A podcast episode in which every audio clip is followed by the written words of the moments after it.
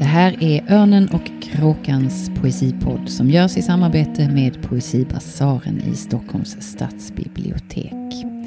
I den här podden samtalar kritiker, poeter och andra om aktuell svensk och nyöversatt poesi. Välkomna till Örnen och Kråkans podd i juni. Idag ska vi prata om sommaren och dess symboliska betydelse och mångbottnade funktion i dikten. Och här eh, runt mitt matbord med eh, tårta och eh, bubbel sitter mina eminenta gäster Arne Jonsson, poet. Hallå, Hej. Hej. Sofia Roberg, doktor i litteraturvetenskap. Mm, hallå, hallå. Hej Sofia. Och så har vi Helena Boberg, min kollega, tillika poet. Hallå, hej. Och så jag, Edith Söderström, som är redaktör på Örnen och Kråkan.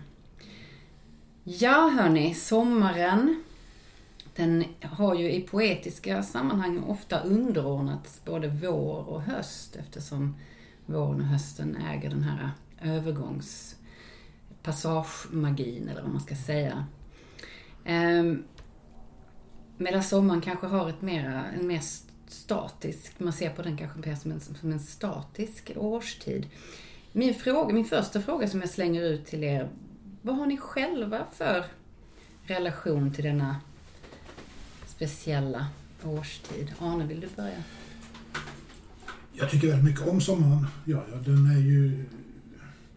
Den blir ju vårens fullbordan på något sätt. Och, och sommaren är ju inte heller statisk skulle jag säga, utan nu är det ju väldigt precis i början, det är så skyrt och fint, kastanjerna blommar och, och det är fullt ös på.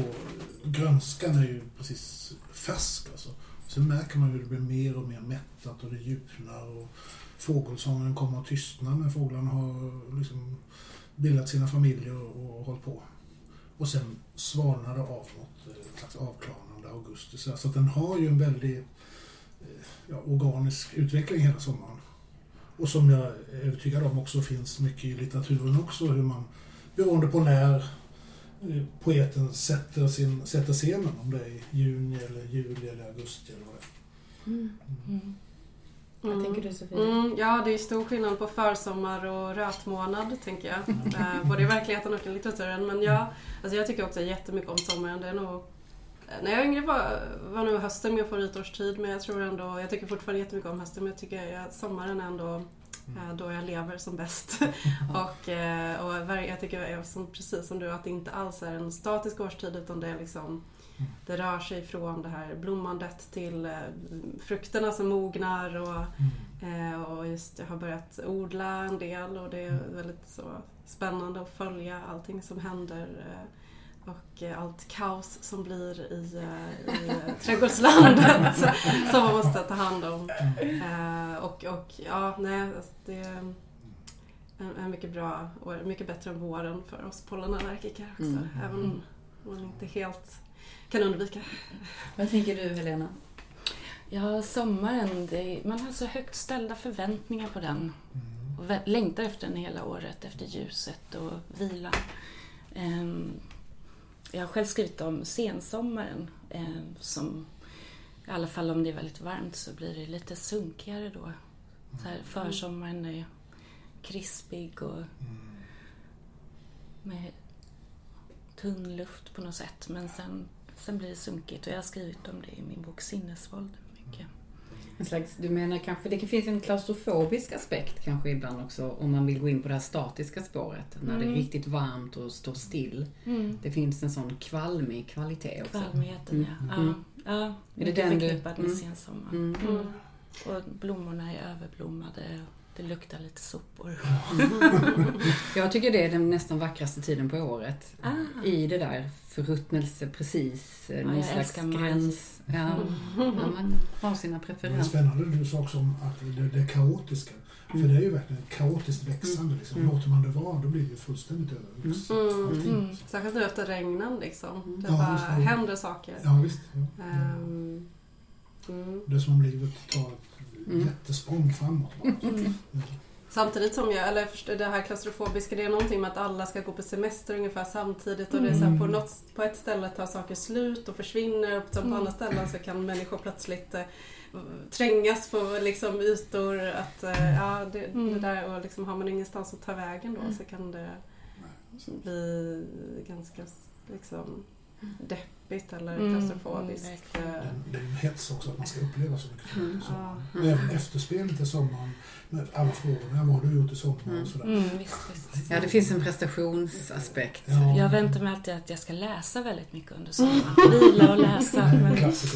Ja, eller så här, forska gör man ju på semestern som eh, någon sa angående eh, som jobbar på universitet. Och så där. Mm. Ja. Mm. Men vi kanske ändå kan sluta oss till att det är en, en tid av eh, prunkande liv. Mm. Mm. Och eh, i eh, litteraturen så har den ju, utgör ju sommaren, eh, har ju ofta utgjort, eller utgör överlag livet, en symbol för livet. Ehm, men också alltid i tätt förbund med dess inneboende motsats då av samma anledning såklart. Mm. Eh, om vi ska tala om eh, sommaren i dikten. Det finns ju naturligtvis, den kan ju symbolisera väldigt mycket. Men om vi ska generalisera lite, vad symboliserar sommaren i första hand i dikten? Uh, jag, jag tänker att den på, på flera ställen står i alla fall för, uh, i de dikter jag har tittat på nu, för någon slags uh, nästan eh, vad säger man, metafysisk upplevelse av, av eh, att lyftas upp från vardagen på något sätt. Och där eh, det är någon slags eh, kombination av sommaren som eh, alltså sommarens skönhet och eh, semestern eh, som, som möjliggör den, alltså att sommaren fungerar så i litteraturen. Mm.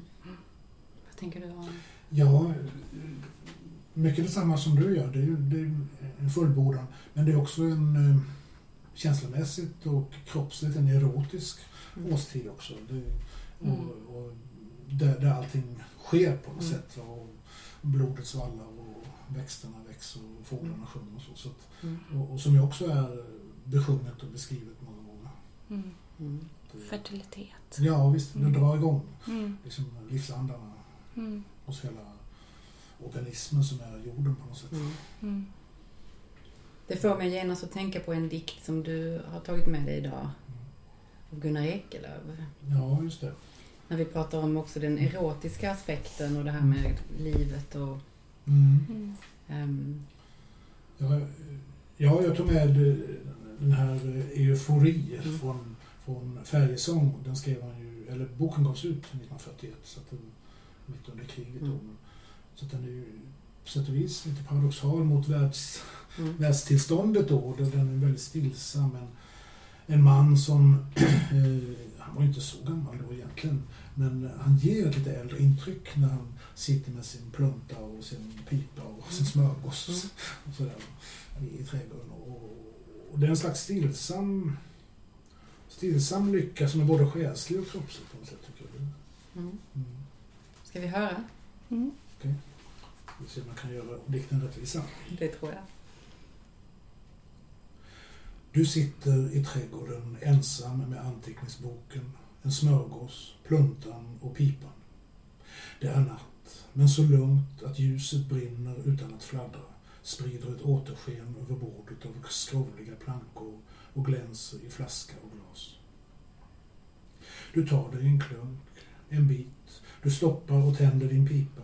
Du skriver en rad eller två och tar dig en paus och begrundar strimman av aftonrodnad som skrider mot morgonrodnad. Havet av hundlokor, skummande grönvitt i sommarnattsdunk. Inte en fjäril kring ljuset, men körer av myggor i eken, löven så stilla mot himlen. Och aspen som prasslar i stiltjen.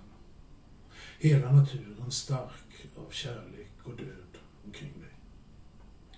Som vore det sista kvällen före en lång, lång resa. Man har biljetten i fickan och äntligen allting packat.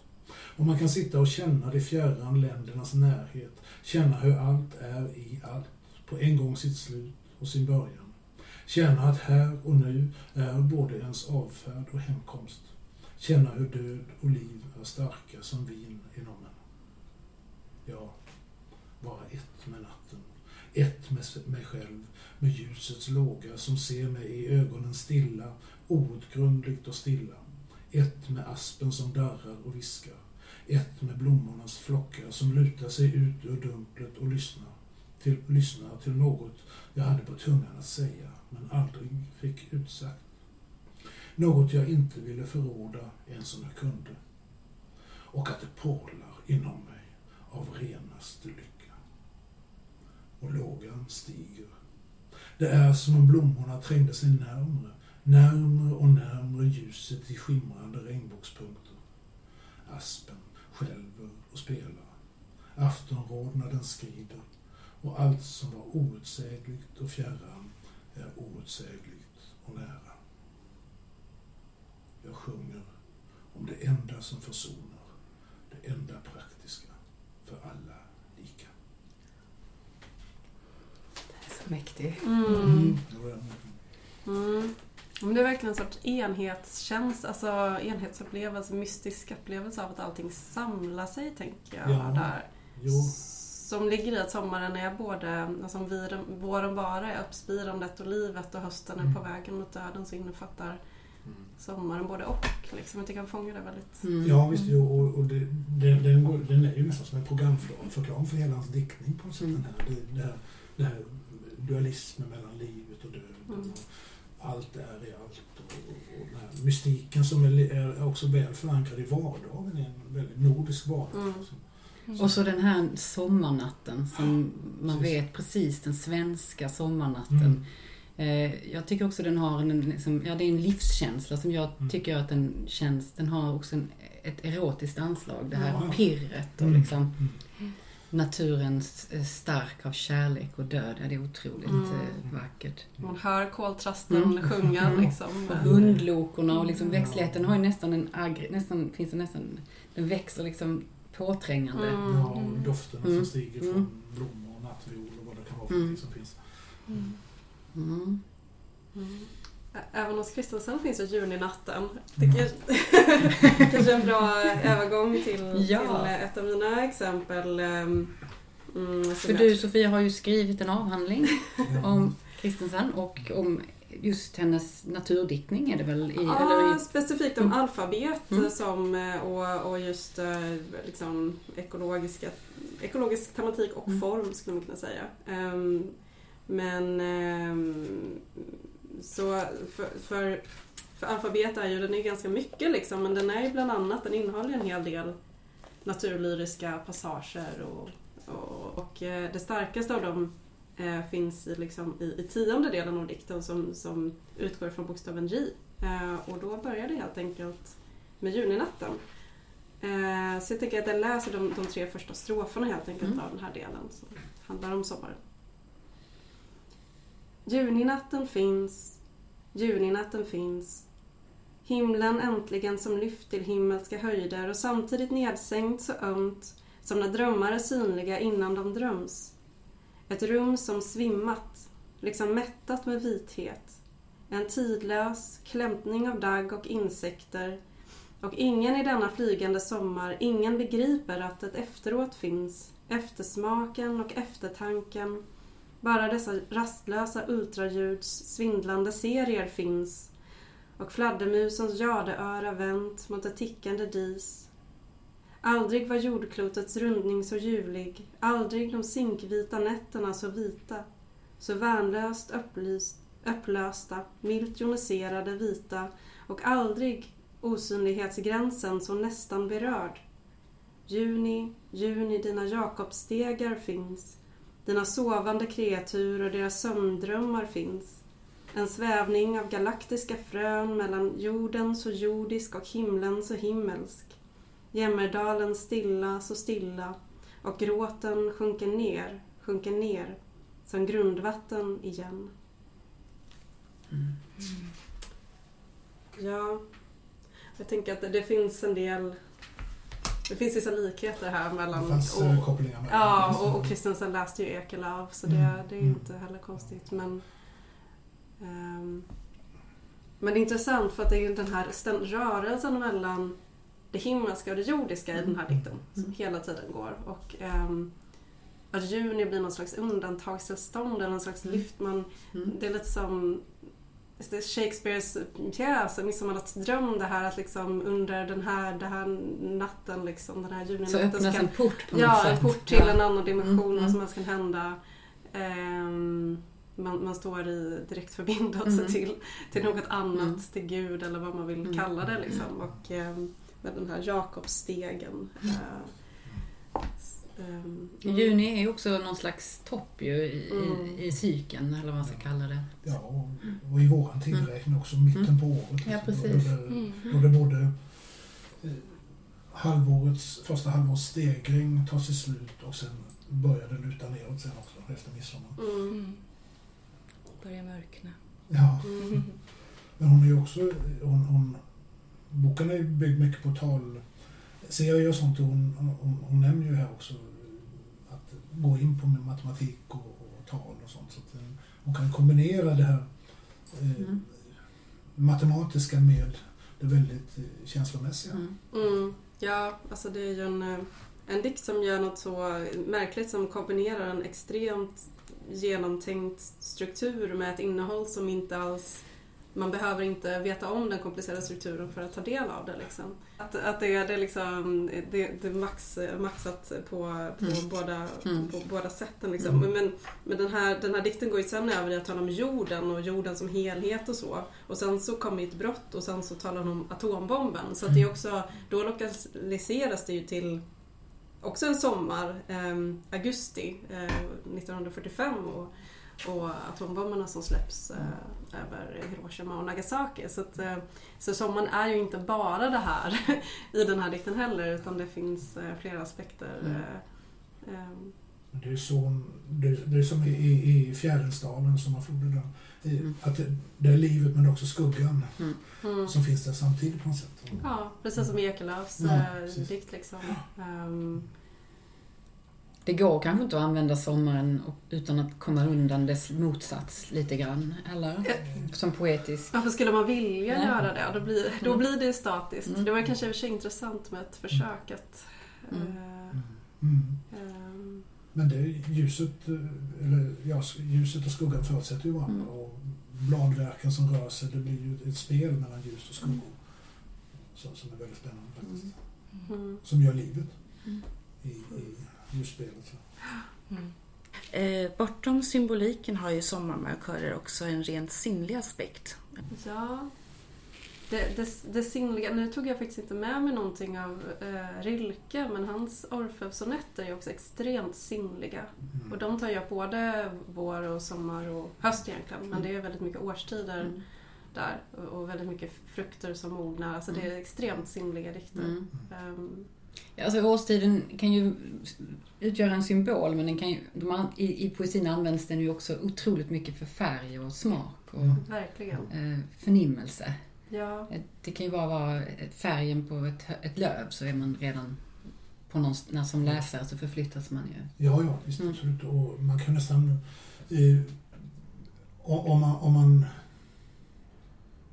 studerar träden så skulle Mm. man kunna bara hamna någonstans i vilken valfri vecka som helst i sommar och tänka att ja, nu är jag i juni, eller nu är jag i juli, därför man ser färger, Mm. man Mm. känner kanske Mm. den speciella mjällheten och, och sånt. Och man ser också hur långt frukterna har kommit och så. så att det, det, Mm. Mm. Ja, jag funderade på Ekelöf-dikten vilken, vilken eh, eh, del av sommaren det var men det kändes ju kanske som juli. Ja, det tycker jag. var lite, lite fullbordat sådär. Mm, Ja. lite så va. Hundlokorna känns inte juni för mig. Mm, Inte och så de... myggor. Det var, det var några tecken som antydde att det var efter, efter midsommar. Ja, just det, jo. Eh, Men Friskheten inte så långt efter lite. midsommar tror jag inte. Nej, nej inte, än, inte ännu röt månad. Nej. Nej, verkligen nej. Det, det här är fortfarande friskt Mm. och sådär. Så att, eh, och, men, men varmt och en, Mm. en, en natt man kan sitta uppe hela natten Mm. med Mm. resväskan in i rummet. Ja, och bilden av den här utsökta lyckan att stå inför en handling Mm. och att det är livets absoluta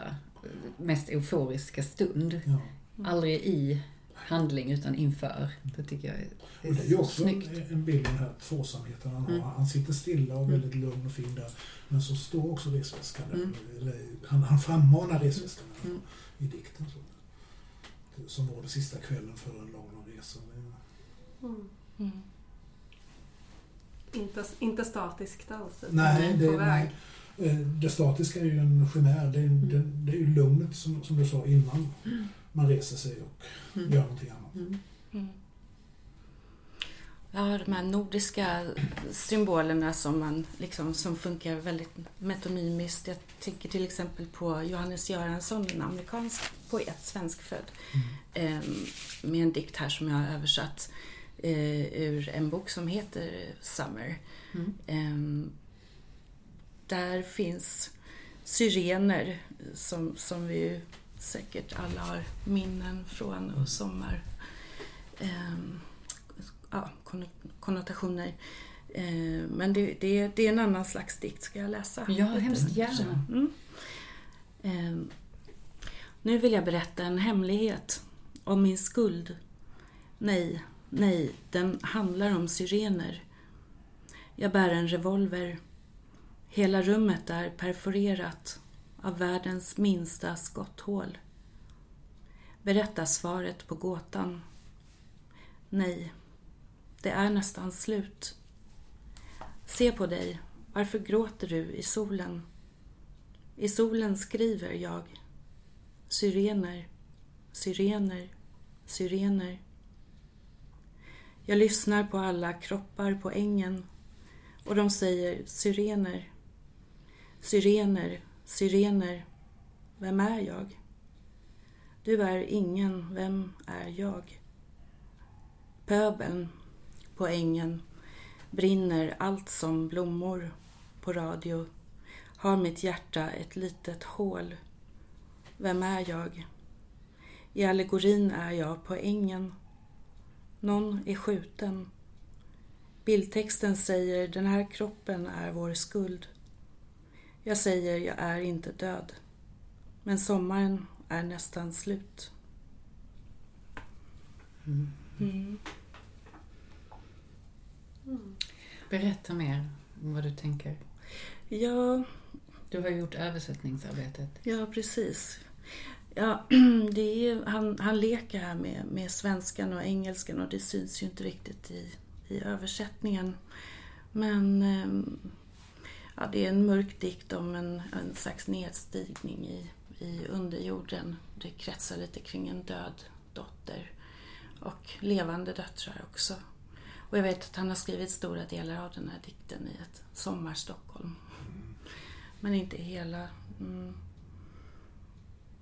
Och vad får sommaren för, för kraft i den här dikten? Är det en symbol för livet som pågår där utanför eller? Jag ser det som, som det här slocknandet. Ehm, Mm. ja, slocknandet och klaustrofobin. Mm. Och att sommaren alltid inneboende tar slut. Det gör det. Ja. Mm. Och den här liksom nästan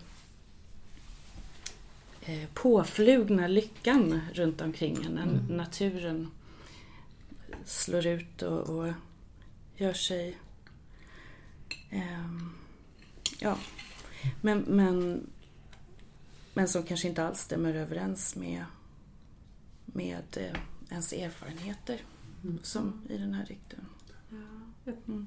tänker att det är intressant att det är syrener och sen är sommaren slut liksom, Mm. eftersom renar är försommar. Men jag tänker Mm, att det jo. också eh, liksom alluderar på T.S. Eliots eh, Döda landet, The Wasteland, där då är det ju våren men, men lilacs, eh, alltså lilacs driving, eh, syrenerna tränger upp i jorden men det är, det är april och det är den grymma månaden. Att det liksom finns den här kopplingen mellan död och eh, syren och det spirande livet som händer samtidigt som någonting är dött inombords eller Mm. i civilisationen eller vad man vill säga. Mm. Mm.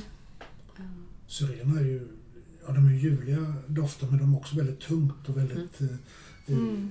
eh, kan bli väldigt mättande också. Påträngande. Ja, liksom. verkligen. Ja. Och jag tänkte på Lars Noréns debutexamen heter ju Syrener snö. Mm. Mm. Och, och som också ingen...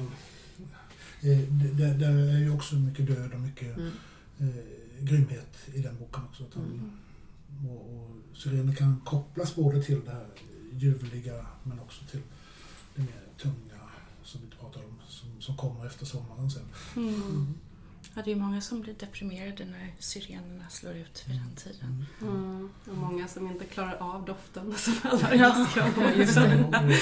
men, eh, men det är sirenen är mer besjungen än, än häggen tror jag. Men jag kommer att tänka på en, en väldigt, ett par roliga rader av Johan Jönsson som är Häggen, nu blommar den, den jävla fittan.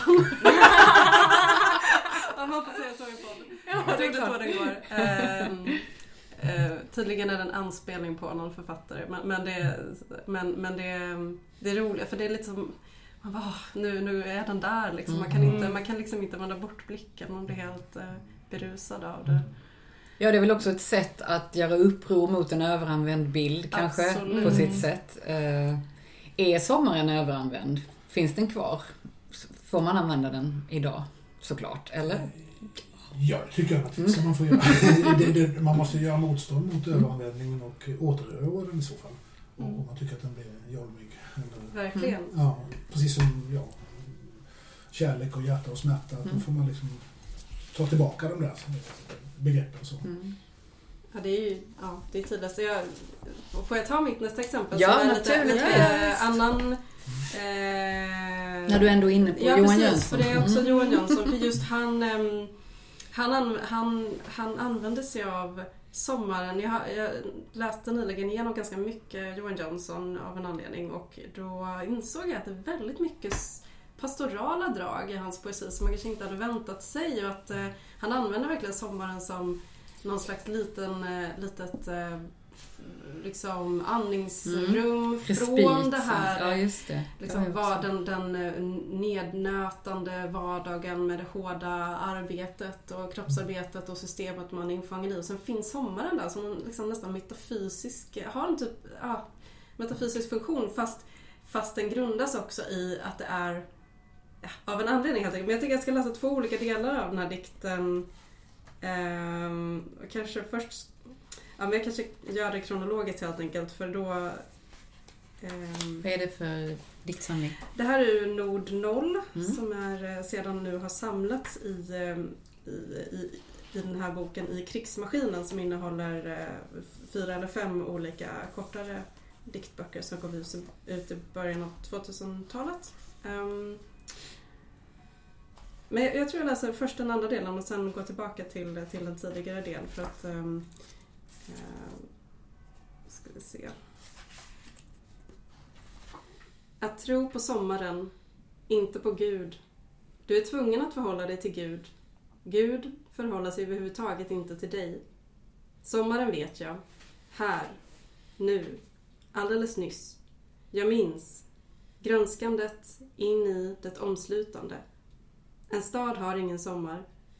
Jag kan röra vid det jag inte ska bli. Sommaren behöver inte mig. Gud behöver inte mig. Du måste ensam tänka det ofrånkomliga. Införliva det som är utanför logos. Sommaren behöver ingenting. Bara en planetär ordning, upprepning. Är det en ordning? Sommaren utan hastighet. Inte heller någon evighet. En överblickbar kontinent som inte existerar. Stockholm har ingen sommar. Jag lever där. Mm. Ja, här sitter vi i Stockholm. Jag tycker det är väldigt intressant det här att sommaren tar Guds plats i texten. Ehm, Men, men, men om man läser några sidor tidigare så får man en lite mer ska man säga, materiell eh, grund till den här alltså sommarens funktion hos Jönsson. Ehm, Då skriver han så här. De mycket effektivt fungerande statsmakterna tillåter sig att blinka några ögonblick. Socialförsäkringssystemen är för förutsättningen för tillträde till det gudomliga tillstånd som är möjligt för oss och barnen. Mm. Så, så det är liksom den här eh, in- in- institutionaliserade semestern som, är, som möjliggör den här liksom. Eh, romantiseringen av sommaren eller vad man nu vill kalla det. Så det finns ändå ett mörker runt det då på ett sätt. Ja, precis. Alltså Mm. den här delen om, den här väldigt pastorala delen Mm. av eh, den här diktsamlingen kommer mot slutet liksom, och den, den eh, föregås av liksom helt eh, andra typer av, liksom, av dikt. Mer som är betydligt mörkare. Så att den grundas i det och sen så kommer det här, man åker ut till sommarstugan och upplever någonting annat. Det får mig faktiskt eh, osökt eh, tänka lite på dig Arne och eh, i din Zotrop som, jag, som du gav ut förra året. Ja. Fantastisk diktsamling. Där finns det också det här att du rör dig i någon, en, ute i världen och, och man befinner sig i någon typ av sydostasiatisk land kanske. Och så plötsligt förflyttas man till en småländsk värld, en ung barndomstid.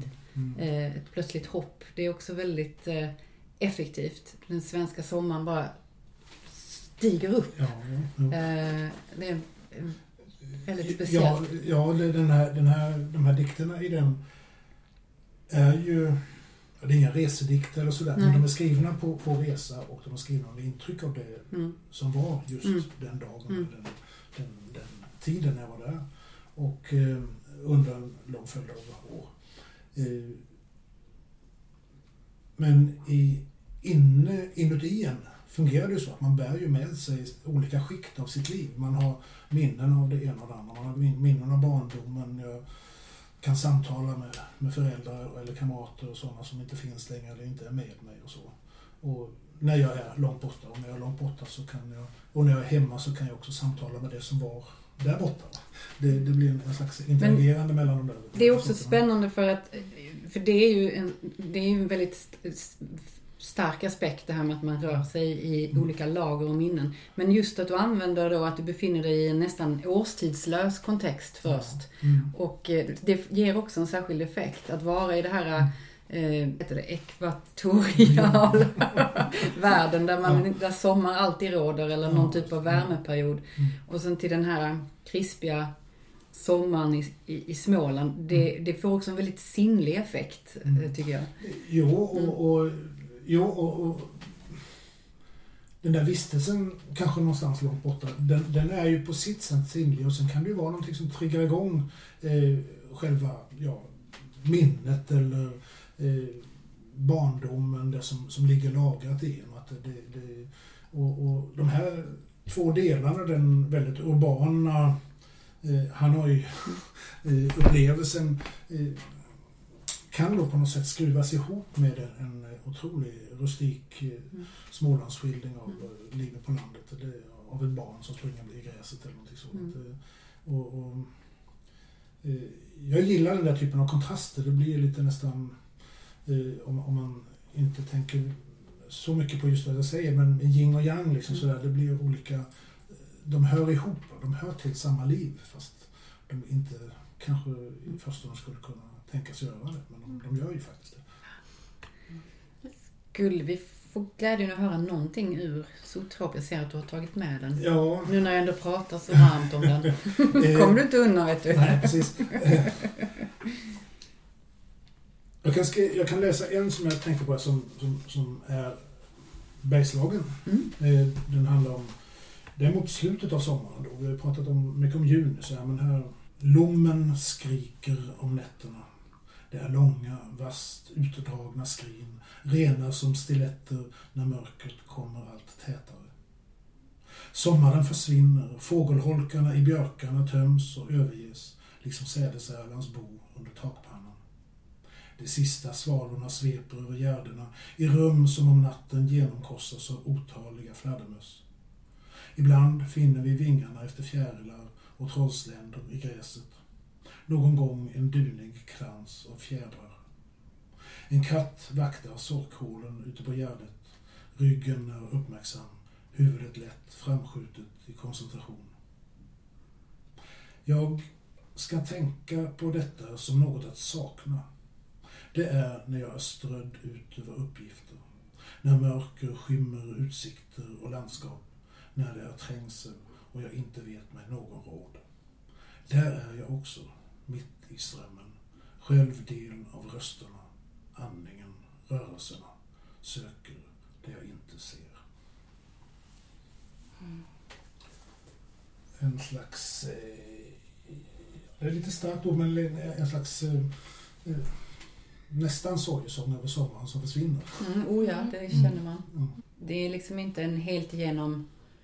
Det är vackert men det är inte helt igenom eh, fröjdefullt. Eller? Nej, nej. nej och, och lommen, ja, ni vet hur den ser ut med Mm. väldigt vass näbb Mm. så här, som, som, som liknar deras skrin på sätt och vis. En Mm. bild av den. Mm. Mm. När det ekar ut över sjön. Så. Som är lite ett ljud för sorg, tycker jag. Ja, det är det verkligen. Det är, och, och, man kan ju tänka sig att eh, förr åtminstone, att man, och även om man själv skulle vara, eh, skulle vara själv ute om kvällen så där det, det känns lite kusligt också. och Lite sorgmodigt och melankoliskt. De här ropen. Och man undrar om de hittar varandra. Mm. Och det går så snabbt i slutet på Mm, sommaren också ja. när mörkret plötsligt sluter sig runt världen. Så. Men jag tänker, är, är det här en... Att förhålla sig till sommaren, är det någonting som vi i de norra och södra hemisfärerna på jordklotet, är det liksom oss förunnat att ägna oss? Är det, är det nordisk diktning? Och är det här sommaren är som starkast, eller nordeuropeisk eh, diktning? Jag menar, det är ju ett, det är ett, det är ett fenomen som vi lever i. Mm.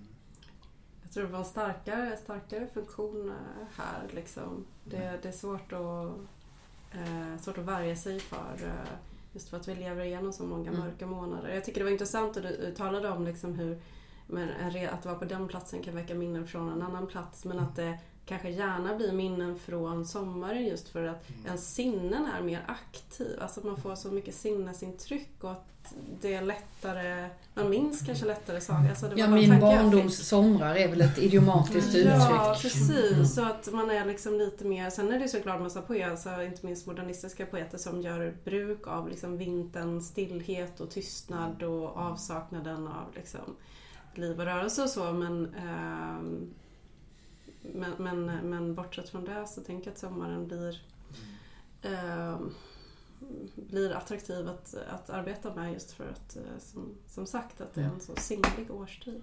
Och det, det är ju det, sommaren också, om man tänker på när man var barn eller om man har haft barn och, eller har barn, att det händer väldigt mycket under sommaren med just barnen. Och man ser, man, de slutar och så ser de kanske inte kompisarna, väldigt många av dem, på väldigt länge. Sen kommer de tillbaka till en ny termin i skolan.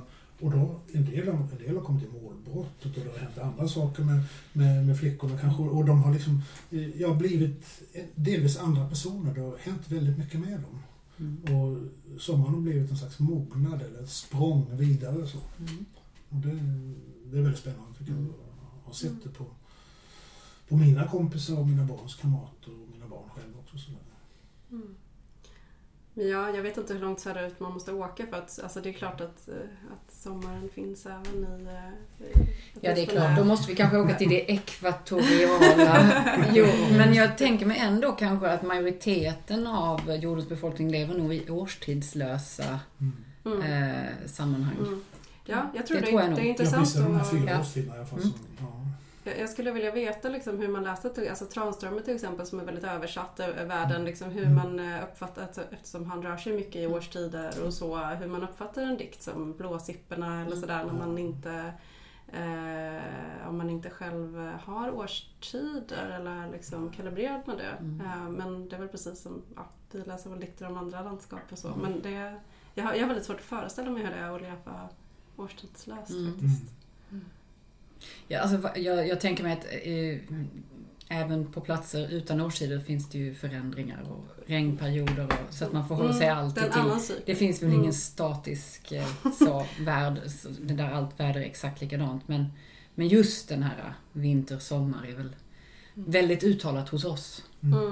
Mm. Och det, jag menar, det, det bottnar ju, eller liksom, det finns så mycket myter kring Mm. det här. Den grekiska myten Mm. om Persefone som går ner i eh, underjord, eller som blir bortrövad av Hades eh, ner i underjorden och sen så hennes mor då Demeter som är naturens eh, gudinna blir så ledsen att hon börjar gråta och sörja och, och därför blir det vinter liksom. Mm. Och, och, och till det här hör då att Persefone äter sex granatäppelkärnor där nere i underjorden. Så även när hon sen släpps ut så måste hon ändå stanna i underjorden sex månader om året. Och därför är det vinter. Ja. Och, att, att, och, och det här, ja, det är ju många poeter som har laborerat med det här. Bland annat Rilke då i Orfeusonetterna som Mm. sagt. Så att där Mm. finns ju Mm.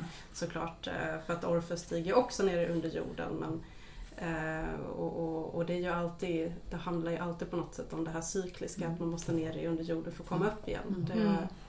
Anna Rydstedts eh, diktsamling Kåre också som, Mm. som handlar om, om precis detta. som- Mm. Fast det är satt i en modern tid. Mm. Lotta Olsson, Mm. Louise Glick. Ja. Och här hos Johannes Göransson finns det också Ja. med just Mm. granatäppelkärnor. Kåren på Starbucks, Helena Mm. Just. Eriksson. Eriksson. Det kom ju ut bara här om året. Mm. Ehm, mm. En tacksam, tacksamt motiv. Ja, och det, det är väldigt fascinerande detta att man... Jag försöker mm, på något sätt komma till, komma till freds med döden. Mm.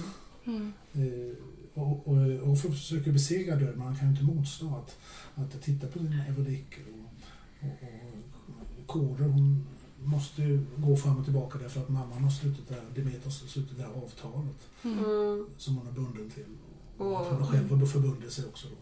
Och varför tittar Orfeus tillbaka? Jo, för han är en poet som inte kan låta bli Nej, att det. försöka beskriva Ja. det där som man inte får beskriva. Nej, liksom. Mm. nej, nej. Och det är just den där... Den är också intressant, den tillbakablicken som, som är så farlig. Jag tänker på Lots hustru i Bibeln, Sodom och Gomorra, Mm. som tittar tillbaka och blir förvandlad till en, eh, till en saltstod. Hon var också förbjuden att titta tillbaka, men hon kunde inte låta bli. Hon var Mm. tvungen att se. finns ju en poet som i en dikt eventuellt har lyckats överlista eh, livet eller döden. Eh, en riktig Orfeus. Och jag tänker på faktiskt Shakespeare. Ja, ja. Mm. Det är hans eh, sonetter där. Ja, Mm. det finns ju en där som, som, där han besjunger skönheten och den består så att säga in i vår tid. ja det gör det. Och det, det, här, Det är ett fantastiskt trick han... Mm. Ja, visst verkligen. Och, Sommaren är kort men dikten är Men odödlig. dikten är odödlig, det är fantastiskt. Ja, och jag tog med mig den här boken av eh, sonetter William Shakespeare som då Eva Ström tolkade för ungefär 2010 eller 11 när kom den ut. Jag tror det var 2000, eh, 2010, så 12 år sedan. Och som är fantastiskt fina tolkningar. Och det har en, dels kan man läsa Shakespeares originaltext och sen hennes tolkning och sen en liten kommentar som är som en liten kort essä till var och en av dikterna. Mm. Och, som, och där hon liksom för... Hon, hon är en, en läsarens Vergilius där. Hon tar en i handen och för en genom den här boken. Den, som ju är en slags berättelse också, förstår man. När, hon, när hon berättar om det. Mm. Och den här dikten det är alltså sonett nummer 18 och, och det är som hon säger i, i, i texten till henne att det är inte bara sonettcykelns mest reciterade dikt utan också en av världslitteraturens mest berömda dikter överhuvudtaget. Alltså den, den är liksom, ja, Mm. The poem. Mm. Shall I compare thee to a summer's day? Heter den på så vacker renässansengelska. Men jag ska läsa den på, på svenska. Ska jag dig likna vid en sommardag? Du är mer ljuvlig, mera mild och ljum. Majs skira knoppar slits av, slits av vindens tag och sommaren stänger snabbt sitt gröna rum. För hett ibland kan som himlens öga skina och ofta skymd är hennes gyllene hy. Allt som är vackert skall en gång förtvina, av ödet ändras, allt är dömt att fly. Men din sommars skönhet vissnar ej, förlorar inte glansen som du bär och dödens skryt kan aldrig träffa dig när evigt rader i min dikt du är. Så länge män kan andas, ögon se, ska detta leva kvar och liv dig ge. Mm. Jo, hon, Eva Ström lyckas också förmedla den till svenska. Mm. Faktum är att ja, det gör hon verkligen. Ja. Mm. Det är ju fantastiskt. Ja, Mm. det- Ehm, ja, den, ja, man får rysningar varje gång. Ja, just för att dikten, är, alltså när vi läser dikten nu så effektueras exakt Mm. det han skriver Ja. om. Alltså skönheten lever Ja. kvar för att vi fortfarande så här många hundra år senare läser dikten. Det är det som Ja, är liksom tricket. Ja. Det är helt ofantligt. Jo, jo, Den är både sommaren och drömmen om Mm. sommaren. Mm. Och, Mm. Mm. och ja, kärleken och föremålet sitter där framför. Och, och, ja. Men det tog mig lång tid innan jag första gången knäckte den Mm. koden. Min- För mig var det ett sammanhang när jag sjöng den. När den fick den tonsatt på engelska då. Som den öppnade sig helt. Och jag minns att det var kanske det mest svindlande ögonblicket i hela mitt liv. Alltså jag tänkte, jösses. Han lurade alla. Han var, han var kaxig men han hade rätt. Han hade rätt. Ja, Här står jag nu med Ja. hans text. ja. Men, men där ser man ju också att sommaren inte alls är statisk utan att eh, sommaren är sommaren just för att den kommer, eh, den kommer gå över, den kommer liksom dö ut. Men, Mm. eh, men i dikten så kan den och den älskade leva för evigt. Evigt ja. Ja, ja. Det är en det- otrolig bild. ja, det är det. Ja, och fantastiskt jag komma på den Ja, tanken och ja. kunna göra konst av den också. ja. Mm. självsäkert. Mm. Det var en underbar översättning, det Mm. Ja, visst är det. det Ja. den här, hela den här boken är lite Elegant. smyckeskriven. Alltså, så, Mm. så vacker. Mm. Och hennes, ja, att liksom översätta alla de här eh, dikterna, att läsa dem på engelska är ju Ja, man, man får verkligen rådbråka sig vad man kan av grammatik och språk och sådär för Mm. att få ordning på dem. Mm. Men eh, och hon gör väldigt fint av den här väven som, som språket är. Mm. Det är lättare att koppla sig in i sinnligheten i dikterna när man läser dem i sitt eget Ja, modersmål. Liksom. Ja. Så det, det finns ju verkligen en Ja, fördel Så med kan det. man ju liksom kolla fram och Mm. tillbaka sådär. Mm. och uppleva båda två språken Ja. på ett väldigt fint sätt. Mm. Mm. Ja. Och, och eh, den här dikten får man tänka på Bengt-Emil Jonsson som i en Mm. i en, eh, en dikt som heter någonting om att eh, på ett, vid ett eh, besök vid eh, Atteboms Pålsbo eh, dagen före Erik Bäckmans begravning. Någonting sånt. En ganska lång och krånglig titel där som, som gesta- alltså, diktaren gestaltar någon slags roadtrip. Och, och så åker de till Atteboms, där ja, det, 1800-talspoeten Attebom växte upp i, i Östergötland och eh, ser de ängen där. Och, och så, och så, tänker, så står det, så är det en rad, inget liknar mer en sommardag än en sommardag. ja, Ja, A rose is a rose. Is a rose. en, du, en dubbel, ja, en dubbel eh, eh, addition. Men, men det är någonting med den och hur- han beskriver, det är också en väldigt bra sommardikt, hur han liksom beskriver ängen där. Sen också Ehm, och, och tala om grässvålen. Man säger också att det ordet hade Attebom aldrig använt men det är någonting med grässvålen på den här ängen som är något speciellt. Ehm, och sedan återvänder Fredrik Nyberg till, till Bengt-Emil Jonssons dikt i Att bli ved som ju handlar om ängen som ju också är en väldigt en svensk eh, ett svenskt sommarmotiv måste man ändå säga, ängen, Mm. eh, blomsterängen. Ehm, Men den har du med dig också? Eh, Eller hur? Nej. Nej. Jag har lite avfotat på Mm. min telefon. Så mm, ja. Men Helena, har du med dig någonting av din egen poesi som har lite sommaranknytning? Jo, Får man vara så fräck? Ja, får man det? Ja. Eh, jo, det har jag. Jag tog med mig min bok Sinnesvåld som kom 2000. Sexualisering av framförallt kvinnokroppen och eh, då har ju sommaren en speciell status där kvinnan anses pika. Ehm, eller alltså att hennes ålder liknas vid årstiderna och sommaren är den efter, eftersträvansvärda. Ehm, och här är sommaren då lite kvalmig. Ehm, ja, men jag läser lite då. Ja, Mm.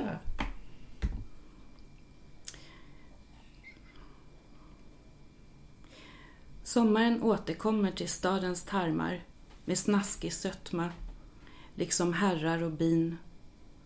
Munnar slår ut som blommor, en glädje skarp som basilika.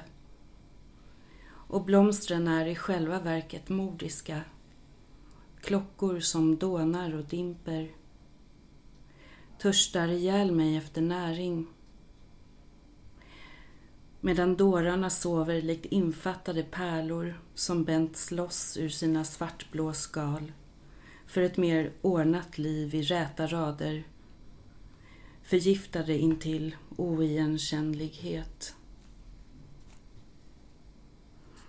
Mm.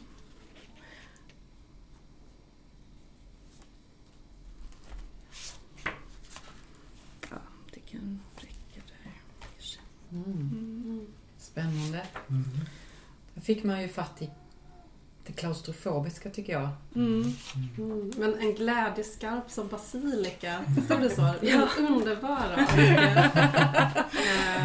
Ja, den Den jag också känns. till på. jag fastnade i den, jag kunde knappt följa med sen. Jag tyckte det var så bra. Ja, vad fint. Ja. Mm. Men ni som är poeter, vad, är, det, är det snårigt att skriva om sommaren? Vad ska man hur tänker ni när ni använder er av, s- närmar er sommaren i ert skrivande? Tänker du om det? Eh, Ja, jag funderar på vad jag tänker. Eller Det- det, nu går vi ju in på din skrivprocess Eh, lite ja, mer. nej, nej, men det...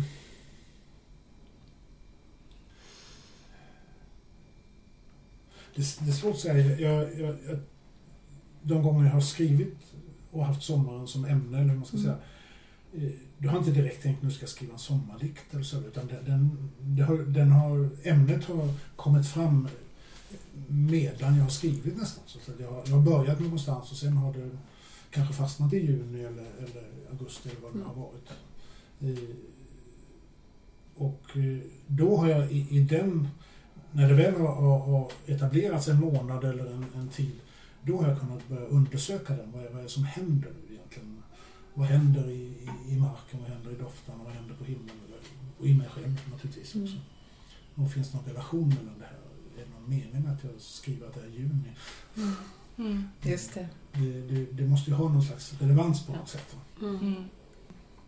Eh, mäng- mängd olika, olika element som ska Mm. till för att det ska fungera. Och, Mm. och, Såklart, poesin är ju mångtydig. Det är ju det.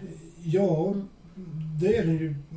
Konst och, och, och poesi sådär. Och, och på samma sätt som vi är mångtydiga Mm. också. eh, Ja, vi, vi, vi gör saker och så ser det ut som vi gör någonting annat. Mm. Mm. Hur tänker du Helena? Ja, nej, det var väldigt väl uttryckt som Arne sa. Det, Det Men- händer lite och sen förhåller man sig. Ja, Mm. eller hur man, hur man kan använda sig för att uttrycka någonting annat som är, som är centralt eller viktigt i, i dikten utöver att en exakt angivelse. Mm. Som jag nämnde nyss här med hur jag hade arbetat i det här som jag citerade ur. Ehm, Mm. där det också då är relevant att det sker många fler eh, överfalls eh, eh, våldtäkter och så på, under sommaren och det Mm. finns med i den här boken också. Mm. Men det var också sommar när jag skrev den. Så jag var... Ja. Också kanske. Ja, visst. Mm. Men jag tänker att det är svårt att liksom frånkoppla sig från årstiderna när man Mm. skriver. Eller det, det beror på, på vilket sinnelag man har. Men jag tror för beror, alltså, om man lever lite, om man är intresserad av hur liksom, miljön runt omkring ser ut så tänker jag att det ofta slinker med i, Absolut. i Mm. poesin. Jo, man sitter vid sitt fönster eller Mm. någonstans. Ja. Det, det är omkring en hela tiden. Mm. Och sen eh, huruvida det leder eller om att man har ett ämne och sen så inser man... För jag tänker att naturen alltid Mm. alltså, är ju en eh, källa till metaforer. Och det alltid, jag tänker att det alltid har varit så, kanske liksom innan skriftspråket. Men att vi, vi ser ju saker som Mm. händer i naturen och ser likheten med vad som händer med oss. Och man, Mm. eh, sen så kan väl olika metaforer utvecklas beroende på hur samhället ser ut och sådär. Men, att, Mm. men, men också kvinnan som jag alltid har liksom ansetts vara, kunna stå i likhet med naturen. Eller Mm. att naturen har sett som en kvinna att du använder dig av den, liksom, den Mm. kopplingen. Att då sommaren kan Ja, fungera visst. som Blommorna slags, eh, som... Mm. på väg att blomma över kanske Mm. i den här sensommaren och Mm. vad det innebär med en kvinnlighet som blommar över. Mm. Ja, visst. Och hur man använder sig av de här metaforerna i språket. Att kvinnan är så...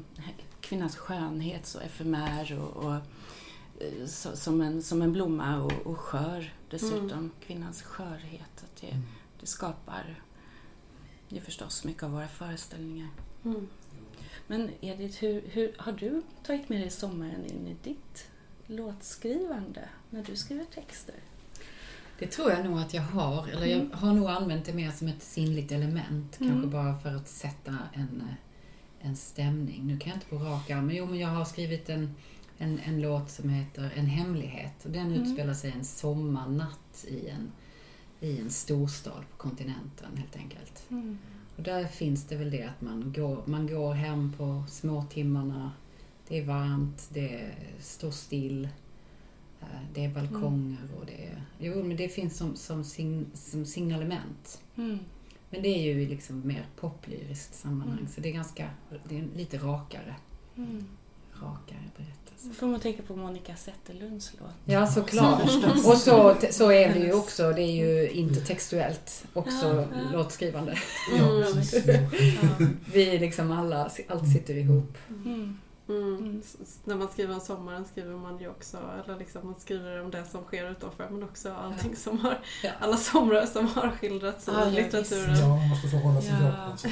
Eller måste och måste, men man gör väl det Man gör ju det, ja. automatiskt. Ja. Ja, och läsaren gör ju det också. Ja. Om Mm. det nu kommer så långt så att någon läser det. det, det Mm. eh, Och de här tappade fjärilsvingarna som fanns i din dikt ja.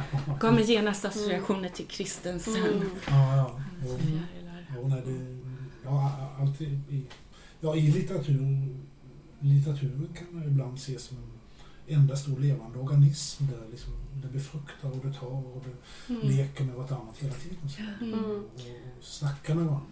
Men Mm. och även utanför, alltså att man tar med sig det ut i, alltså när jag går ut och tittar på äh, men, s- s- sirener så kanske jag tänker på äh, Christensen eller Mm. Eliot som har skrivit om Mm. sirener och, och liksom olika, Mm. där man, där man liksom får flera lager till sin upplevelse Ja. av, äh, av det som blommar och gror och så. ja, Mm. Av, äh, Ja, på grund så- av litteraturen. Ja, Ja, det, det låter i en hela tiden. Så. Mm. Mm. Jag har varit väldigt, eller jag är väldigt, jag tycker väldigt mycket om Ann Jäderlunds dikter och hennes användande av, av blommor i till exempel ehm, Snart går jag i sommaren ut och det som en gång var ett äng. Mm. Men visst Arne, har du med dig något annat exempel av Ann Ja. Jäderlund? En sån här bok som jag Mm. tycker väldigt mycket om, om, om henne. Den är, till formatet är den väldigt liten. Mm. Titeln. Eh, Svår att få tag i. Mm. Eh, mörker, mörka, mörkt, kristaller. Ja, det är en fantastisk titel. Mm. Ja, visst verkligen. Och den, är- den är så vacker. Den är djupt blå så titel satt i guld. Och så, så att det, Ja. så här, väldigt blänkande och fin. Och den kom 1994 den. Mm. Och den är ju... Att jag kommer att tänka på det nu. Det, det, det är... eh, Det, det, det låter som lite slarvigt sagt, men det, det är natur. va? Det är ute någonstans. Mm. Och det är mycket reflexer och skuggor och sol och vatten. Och, eh, jag hittade en, en dikt här som, som, som är det här, som också kan vara sommaren, det här svala. Man sitter vid, en, vid ett vattendrag och det, det, de här flimrande reflexerna från solen ovanför. Och det är både kanske tungt mörker i, mot skogen och träden men också det här ljuset som dyker upp så, som, som kan blinka i, i ens ögon eller i vattnet. Och så. Det, den har, de här har inga titlar men de eh,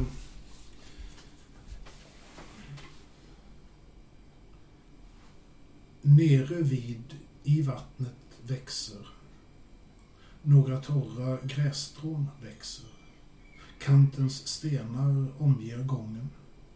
Vatten mjukt, reflexer, träd. Och där, bakom ryggen, gången.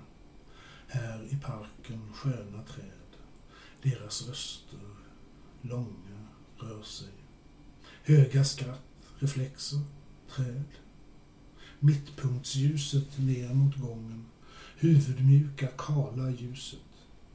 Över gräset vinden rör sig.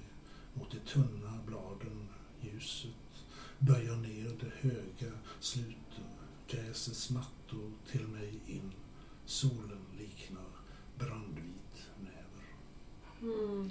Ja, det är otroligt Mm. Perfekt dikt, höll jag på att säga. Ja. jag tycker Men det det är liksom så impressionistiskt, man fångar man ser. Ja, ja, och ibland så fortsätter, eh, kliver meningen Mm. över raden och fortsätter i nästa rad och ibland så är det enbart den lilla raden som, som den är fullbordad då, men den har ändå ett samband för att det fortsätter någon ytterligare någonstans. Mm. Eh, och den, ja, jag, tycker, jag tycker oerhört mycket om den här diktsamlingen. Mm. Ja. Och, och, den, och bara titeln också, Mörker, mörka, mörkt, kristaller. Liksom. Mm. Dum, dum, Ja. här.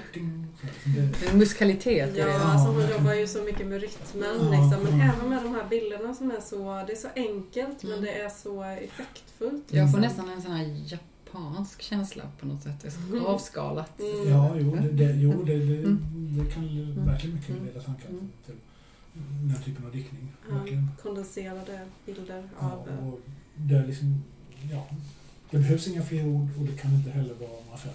Det är, liksom ganska, det är väldigt exakt avvägt så. Mm. Jag tyckte det var ett fint sätt att kanske avrunda vår fina sommarpodd. Mm. Ehm, tack för att ni ville komma hit och prata sommar med oss på Örnen och Kråkan. Tack Ja. själv. Ja. Mm, verkligen. Jättefint. Jättefint.